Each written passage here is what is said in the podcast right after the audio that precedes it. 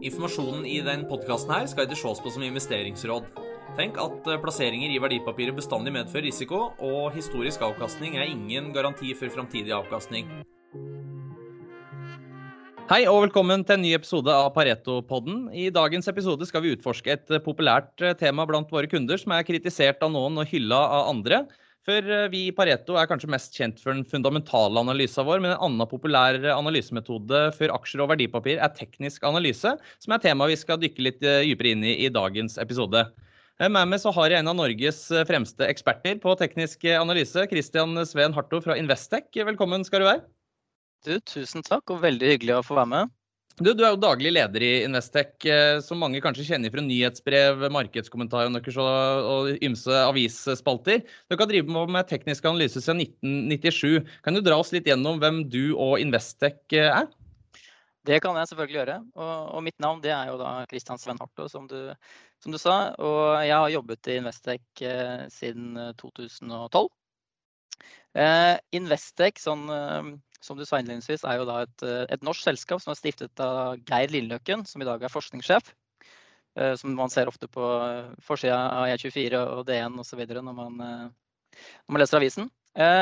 Det Investec gjør, er at vi baserer oss på det du sa nettopp, i teknisk analyse og um, kvantitativ analyse.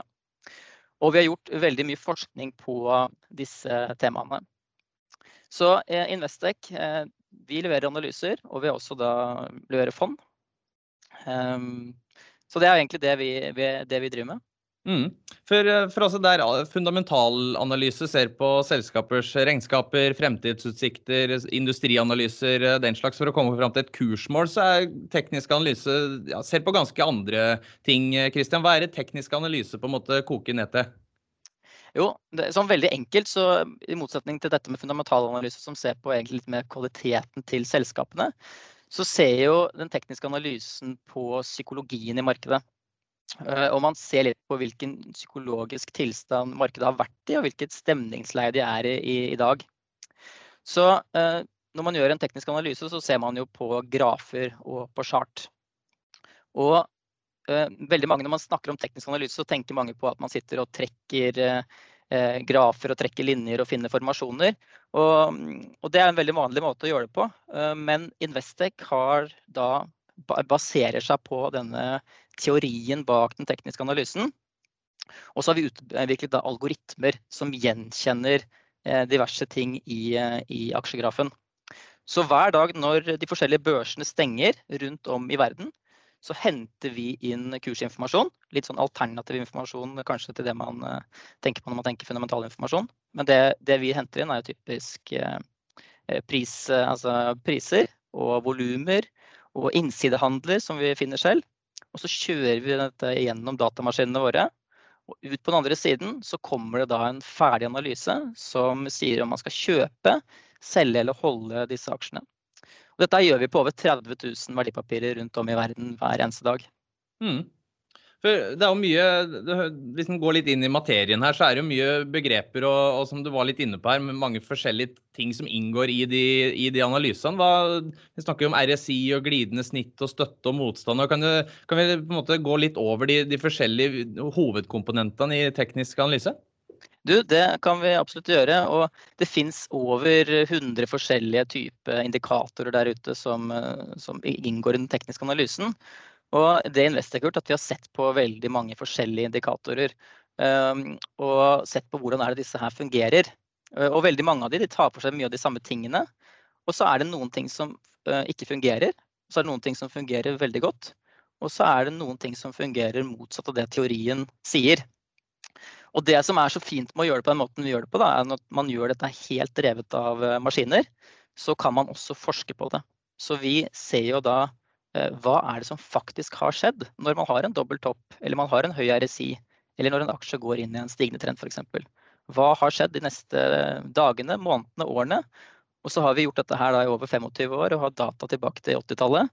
Så vi begynner å få veldig store datasamples på, på dette her, og, og veldig signifikante tall. Mm. Um, men som du sa, da, skal, skal, vi ta et par av disse elementene som, ja, uh, som, er sentrale? Og jeg tenker at Det man kan begynne med å snakke om, er jo trender. Og Det er jo det, det viktigste innenfor den tekniske analysen. Dette med stigende trender. Fallende trender, horisontale trender, det er jo de tre typene man har. Og trender er den viktigste indikatoren innenfor den tekniske analysen. Og ifølge teknisk analyseteori så skal aksjer som ligger i stigende trender, de skal fortsette å stige. Og aksjer som ligger i fallende trender, de skal fortsette å falle. Og, så teorien sier helt enkelt at man skal kjøpe aksjer som stiger og ligger i stigende trender, og man skal selge aksjer som ligger i fallende trender. Veldig, veldig enkelt. Mm. og for å si det sånn, hva er en stigende trend?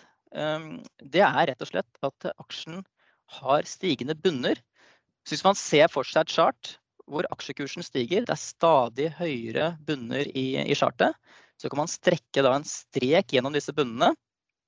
Og da, man, da har man da en bunn av en trendkanal. Og samme gjør man på toppen. Da. Over toppene tar man også en ny strek, og da får man en kanal denne trenden beveger seg inn i. Mm.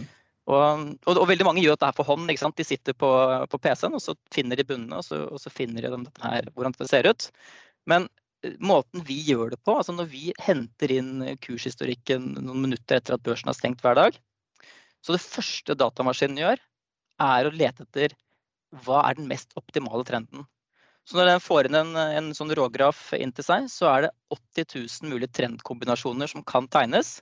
Og maskinene vil da tegne den mest optimale trenden basert på berøringspunkter, hvor tight denne trendkanalen er, at det ikke er for mye svingninger innenfor for kanalen osv. Den har fått klare beskjed om hva den skal lete etter, og man finner da den mest optimale trenden hver eneste gang. Det er en av de mest eh, forklarende altså, indikatorene for, uh, innenfor teknisk analyse. Hvilke andre er vi ja, altså, og, og, bare sånn helt enkelt, hva betyr det? Altså, en stigende trend det betyr at investorene de må betale hele tiden en høyere pris for å komme seg inn i aksjen. Så enkelt er det. Og vi ser også at aksjer som ligger i stigende trender, de fortsetter å stige. Og det er ofte en grunn til at en aksje stiger. Det er fordi at den har en, en bra kvalitet, og, og, at den fortsetter å utvikle seg positivt. Mm. Så, og, og, motsatt med fallende trender. Det er aksjer som, uh, som utvikler seg svakere og du må hele tiden ned i pris for å få, aksjer, for liksom lempet ut aksjer. Så det er ganske det er, enkelt utgangspunkt, egentlig. Veldig enkelt utgangspunkt, ja. Men hvordan er det man vet når det snur her, da? Eh, går det an å måte regne seg fram til det? Ja, og du, eh, det er absolutt. Og det, da ser man på ofte dette med formasjoner. Man leter etter sånne topp, toppformasjoner og bunnformasjoner som kan si noe om, om dette her. Typisk man, når man snakker om, om toppformasjoner, så er det jo hode-skuldre-formasjoner, doble topper og, og, disse rektangelformasjonene når de bryter ned. Dette her er liksom typiske signaler på at nå er, eh, nå er, toppen nådd. Her har det vært en god utvikling, men, eh, men nå begynner festen å, å, bli over. Litt sånn som man så på Kahoot også her forleden. ikke sant? Det har gått og gått og gått. og gått. Hvor lenge kan dette fortsette? Så ser man at det danner seg en stor sånn dobbelttopp på, på slutten av, eh, av denne trendkanalen. Mm. Uh, og det er klart at uh, jeg skulle gjerne sagt at man kom seg ut på topp og kom seg inn på bunn, men det, det gjør man ikke når man bruker teknisk analyse. Det er det noe som må skje før man på en måte ser at det er et, et skifte her. Og, og, det er typisk disse trendendringsformasjonene da, som, som, vi ser på der. Mm. For sånn Støtte og motstand, det er vel der eh, når det er snakk om trendkanaler, så snakkes det vel gjerne om støtte og motstand i den trendkanalen? Det er også det, men det er, dette med støtte ned mot gulvet i trendkanalen er, eh, er helt klart uh, det, der er det en, en, støtte. Men når vi snakker om støtte og motstand, så vil det være helt uh, sånne horisontale linjer som ligger tvers over, um, over grafen. Mm. Og støtte og motstand er også veldig viktig. Um, og den, den, sier på en måte noe om hvor er det kursen trolig vil vende. Um, og det vi ser på, er jo dette med akkumulert volum. Hvor er det, på hvilke kurser er det investorene har handlet mye? Og dette sier også noe om dette risk-rewardet ditt. ikke sant? Det å ta en posisjon nærme et støtte. Her sier statistikken at den skal reagere opp. Faller den gjennom, så får man en, eh, en altså, Da vet du nedsiden din. Da vet du hva du skal, eh, potensielt eh, skal tape, før du kutter tapet. Og så vet du også hva, hva rewarden din er, hvor høyt opp det er videre. Mm. Det, det, er litt sånn man bruker det for sånn innganger, hvor han tar innganger i, i aksjen. Mm. Ja, Volumanalyser er, er, jo en av de mange tingene dere ser på. Hva, hva er det der forteller dere? Jo, volum er også en veldig Det er kanskje litt en undervurdert uh, indikator, men en veldig viktig indikator. Og det vi ser på når vi snakker om volumanalyser, er jo korrelasjonen mellom kursoppgang og volumoppgang. Så vi ønsker altså hvor mye omsetning det er i aksjen? Helt korrekt. Rett og slett. Ja, nettopp. Og det du ønsker å se, det er jo at aksjen stiger på et høyt volum. Og de dagene faller tilbake igjen, så er det på et lavere volum. Da betyr det at det, er, at det er kjøperne som driver kursen. Det er mange som vil inn samtidig. Og de dagene aksjen faller tilbake igjen, så tar egentlig kjøperne seg en pause. Dette her er veldig veldig viktig. Altså, sånn typisk ser man, på, ser man en aksje som har gått mye, men som får kanskje en, sånn, eh, en hode-skulder-formasjon eller en dobbelttopp som brytes på et høyt volum, så er det et veldig, veldig skummelt tegn. Her er det mange som vil ut samtidig, og det blir ofte trangt i døren. Det er sånn typisk eh, Man bruker volumet for å bekrefte disse formasjonene som eh, Eller, eller avkrefte formasjoner som dukker opp da, i, i chartet.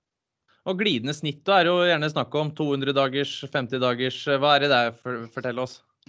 Jo, og akkurat med glidende snitt vet jeg er veldig vanlig, og det er noe vi ikke bruker veldig mye hos oss. Fordi vi mener at andre eh, indikatorer fanger opp dette her på en, eh, en bedre måte. Så eh, vi fokuserer ikke så mye på dette med glidende snittet, men vi ser da på mm, f.eks. trender som vi mener tar dette altså ser på at det er bedre enn det et glidende snitt ville gjort. Da. Mm. Så, mm, og som jeg snakket om sist her, da, altså som jeg innledet med, at hele poenget til Investec er at eh, har, altså, vi har forsket på alt dette her. Vi vet hva som statistisk har skjedd, hva, som har skjedd i historien når en aksje har gått inn i en stigende trend. Og jeg kan jo bare ta det, akkurat dette med trender. Uh, og, og, det vi har sett på, da, det er en stor forskningsrapport som vi, vi gjorde tilbake igjen i uh, ja, Som vi har tatt egentlig fra 1996 uh, og frem til i dag. Og sett hva er det som har skjedd når en aksje har gått inn i en stigende trend. Ehm, hva skjer de neste 66 dagene med den aksjen? Eh, og hva skjer når en aksje går inn i en fallende trend?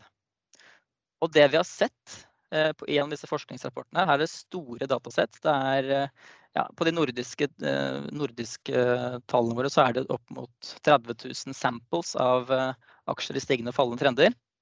Så det er veldig store, mange eksempler på når dette har skjedd.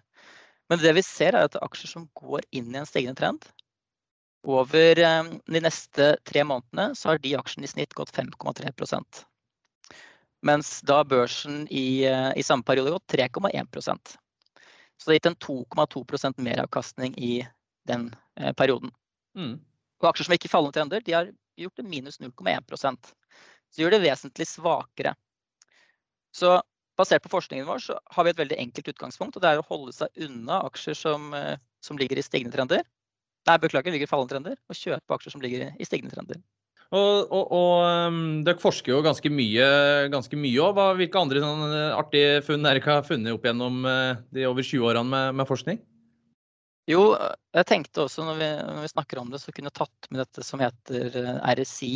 Uh, for det er typisk også blitt veldig vanlig, en veldig vanlig indikator å bruke. Og der gikk jo også vi inn og gjorde en ganske stor rapport på dette med RSI. Ehm, og RSI er en ganske mye benyttet indikator eh, som står for Relative Strength Index. Og er et mål egentlig bare på hvor bra en aksje har gått målt mot seg selv. Eh, ja, og tallene beregnes å se på styrken i oppgangsperioder i forhold til styrken i nedgangsperioder. Og, og det er typisk dette RSI på 21 dager som vi har forsket på. Da. Eh, og en RSI den beveger seg mellom 0 og 100. Og med typiske nivåer som er 70 og 30 som sånne kritiske eh, nivåer. Så den eh, aksje, altså, tekniske teorien da, på RSI den sier at aksjer som, eh, eller en RSI som beveger seg over 70, den er overkjøpt og skal falle. Og en RSI som beveger seg under 30, den er oversolgt. Og, og skal da, på grunn av dette, den skal begynne å stige igjen. Mm. Og, det, og, det, var egentlig hele det vi egentlig baserte undersøkelsen på.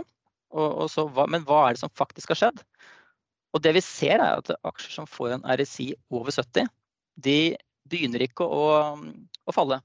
De, de, begynner å stige, og de begynner å stige mer enn de har gjort tidligere. De akselererer faktisk når RSI beveger seg over 70. Og dette her var jo helt nye funn for oss.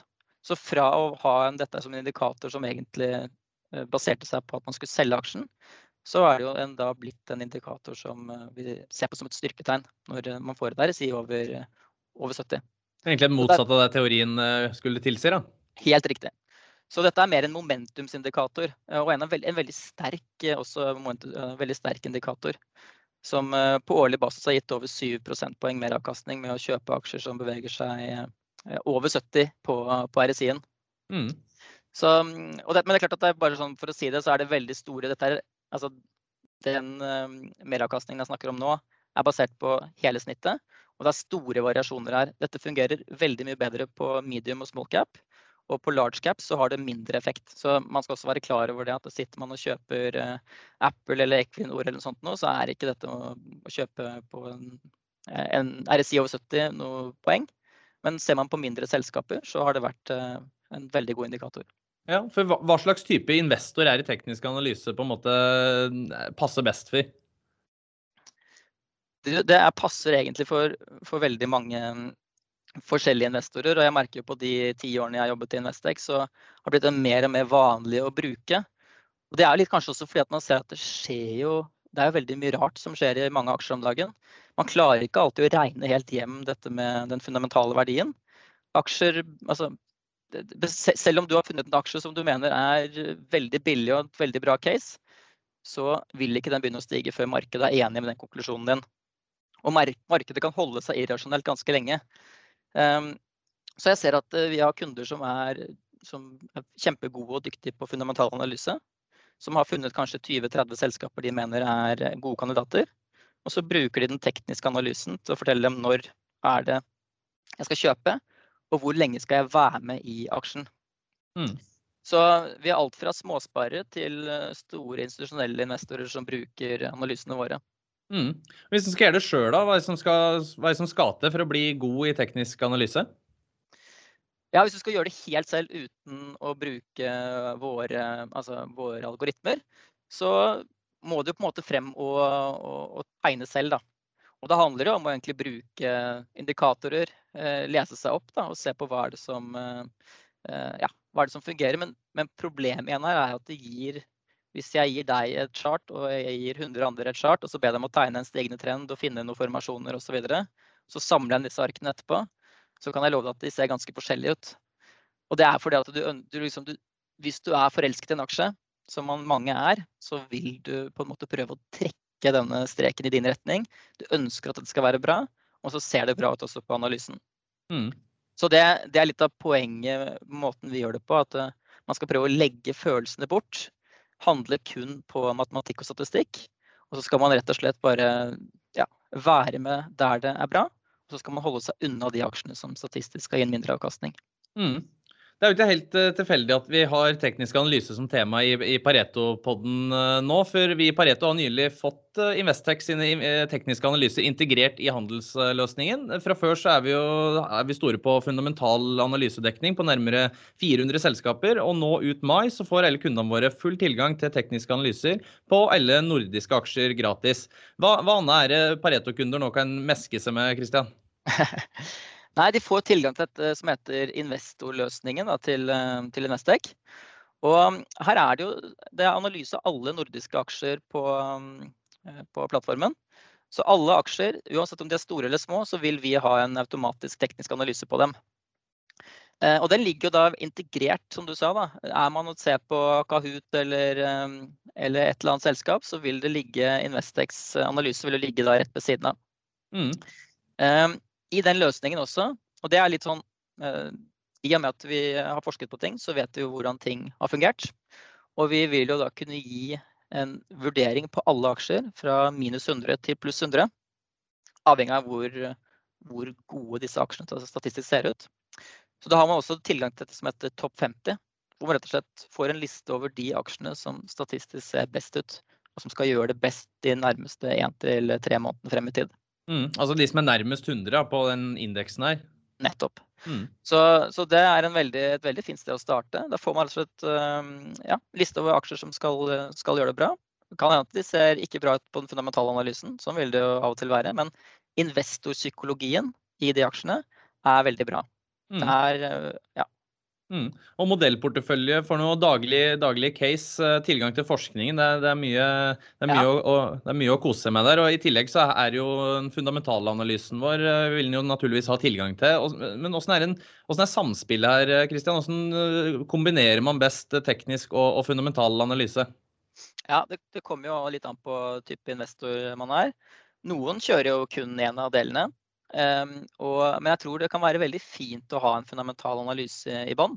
Og vite litt hva er det jeg kjøper, hva er det jeg faktisk betaler uh, for selskapet. Um, så det kan være fint. Og av og til så kan man se at uh, det beste er at begge analysene sier kjøp. At både den fundamentale analysen til Pareto og Investex uh, teknisk analyse sier kjøp. Og veldig ofte så gjør de det også, men i noen tilfeller så vil det kanskje være stikk motsatt. Den fundamentale vurderingen er, er kjøp, og mens eh, aksjen ligger kanskje i en fallende trend, og, og det er fortsatt altså, en negativ utvikling som forventes. Mm. Og da tenker jeg at som investor så kan det være veldig fint å kanskje sitte og vente. Da. Når er det investorene begynner å bli positive her? Eh, for det kan at den aksjen skal en god del ned før den snur, og før markedet egentlig ser det samme som Pareto-analytikeren. Og det er først da du egentlig eh, kan hive deg rundt og bli med på det.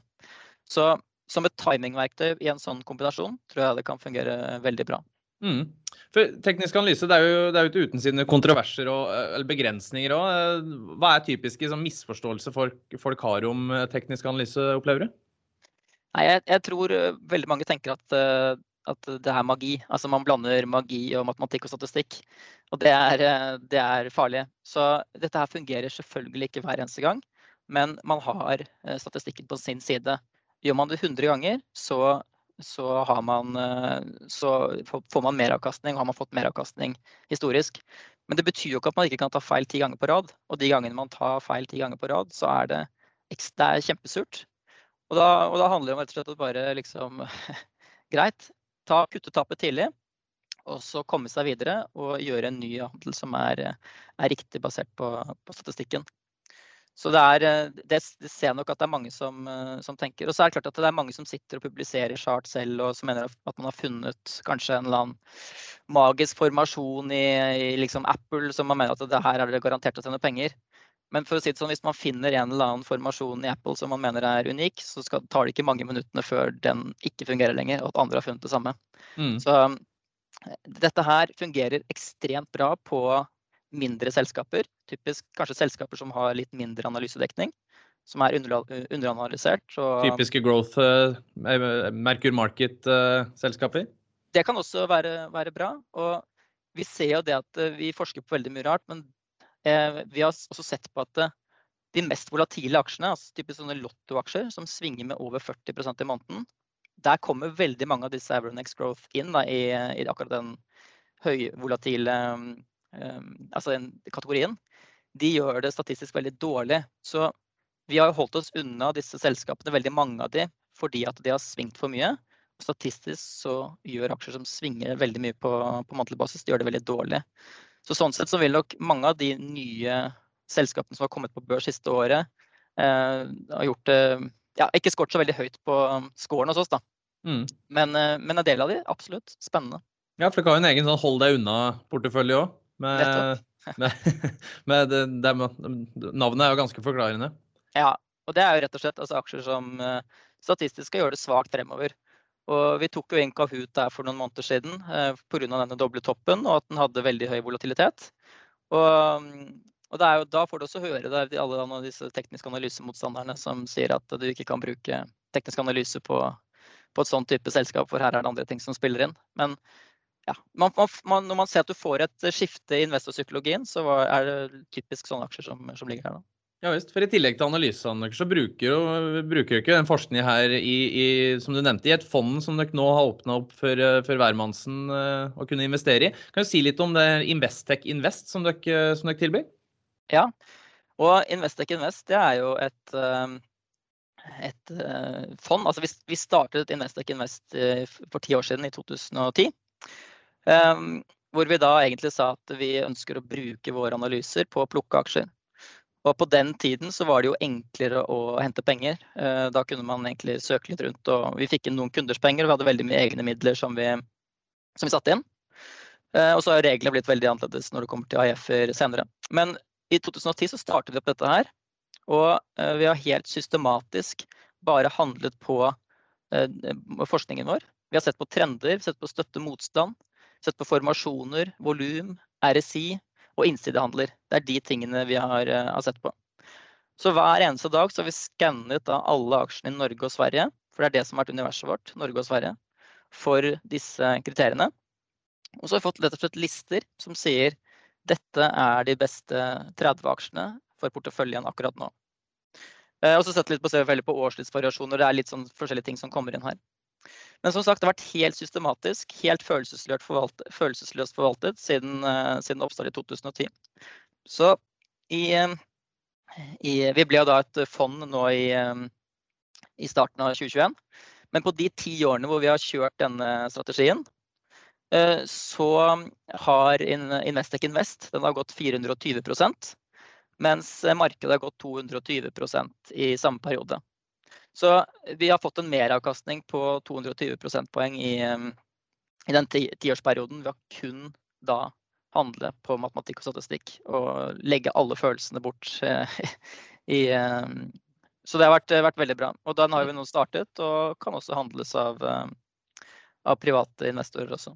Mm. Det er vel litt, eh, litt, risikofylt, eller sånn vil det vel bestandig være med, et, være med et aksjefond. Men det er jo mange som må ønske seg høy risiko, for det, jo, det er jo Eh, proporsjonalt med avkastning, og det har jo gått, eh, gått veldig bra så langt. Eh, for det, altså, hvordan, folk på, hvordan bruker dere forskninga til, til, å gagne fondet like, i, i, i, praksis? Er det ofte, Gjøres det ofte noen endringer og, og den type ting? Altså det som er fint med det fondet, er at det er veldig sånn dynamisk tilpasset seg de forskjellige markedene. Fordi at den, den ser rett og slett på investorpsykologi. Hvor er det Eh, penger på vei inn igjen. Og vi ser jo sånn i 2014 hvor man på en måte bare automatisk var helt ute av olje eh, når, når oljemarkedet raste, fordi at man ser ganske tidlig at eh, man får et skifte i, i psykologien. Så den har tilpasset seg markedsforholdene veldig bra. Og jeg ser også nå snakker folk om er det vekst eller er det verdi du skal kjøpe. Og det, det spiller ingen rolle for oss, for vi skal egentlig kjøpe de aksjene som andre har lyst til å, kjøpe også. Det er egentlig det det handler om. Er, hvilke aksjer er det markedet ønsker å kjøpe? Ehm, så den har tilpasset seg markedsforholdene veldig bra. Og i den perioden på de ti årene så har altså betaen i fondet ligget på rett over én. Så det har omtrent hatt samme svingninger som, eh, som eh, ja, Oslo Børs og Stockholmsbørsen i kombinasjon. Da. Mm. Men det er som du sier, altså, dette, noe, dette, må ikke forveksles med et hedgefond. Og faller børsen 20% så faller vi 20% også. Sånn er det liksom. Den, eh, det, det, ser man har skjedd tidligere.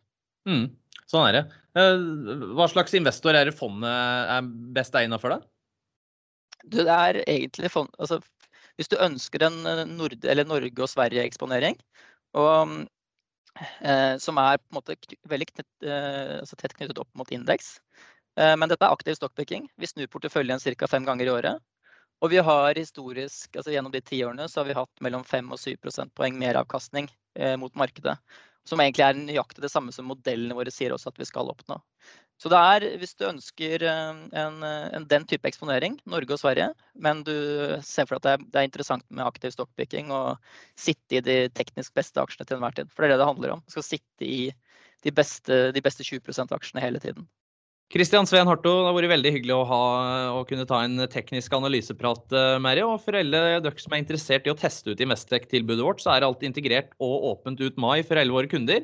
Alt av nordiske aksjer og store børsindekser er dekka av tilbudet, og inkluderer bl.a. daglig case, markedskommentarer, konkrete kjøps- og salgssignaler, eh, toppliste over de mest positive aksjene og en ukentlig modellportefølje. Og Da gjenstår det bare for oss å si farvel fra Pareto-podden, Kristian. Takk for at du kom. Du, tusen takk for at jeg fikk lov å være med. Jo, da høres vi. Hei. Hej, det här är Matilda Karlsson från Pareto Securities i Stockholm. Vi har även en svensk podd och varje onsdag så kommer det ett nytt avsnitt där jag pratar med olika investerare och förvaltare. Så passa på att lära lite mer om den svenska aktiemarknaden och lyssna på Pareto Podcast i din podcastapp. Og så minner vi om at informasjonen i podkasten her ikke må ses på som investeringsråd. Eh, plasseringer i verdipapirer medfører til enhver tid risiko, og historisk avkastning er ingen garanti for framtidig avkastning.